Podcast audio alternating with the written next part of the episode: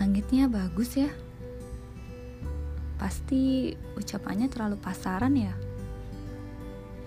Tetapi indah juga melihat ada kandang burung yang digantung di sisi selatan. Sejajar dengan bentangan kabel listrik khas pedesaan. Dan lampu jalan yang mulai menyala meskipun redup kelihatannya. Damai dan lega. Kalau kamu mau tahu bagaimana perasaanku. Seperti saat ini.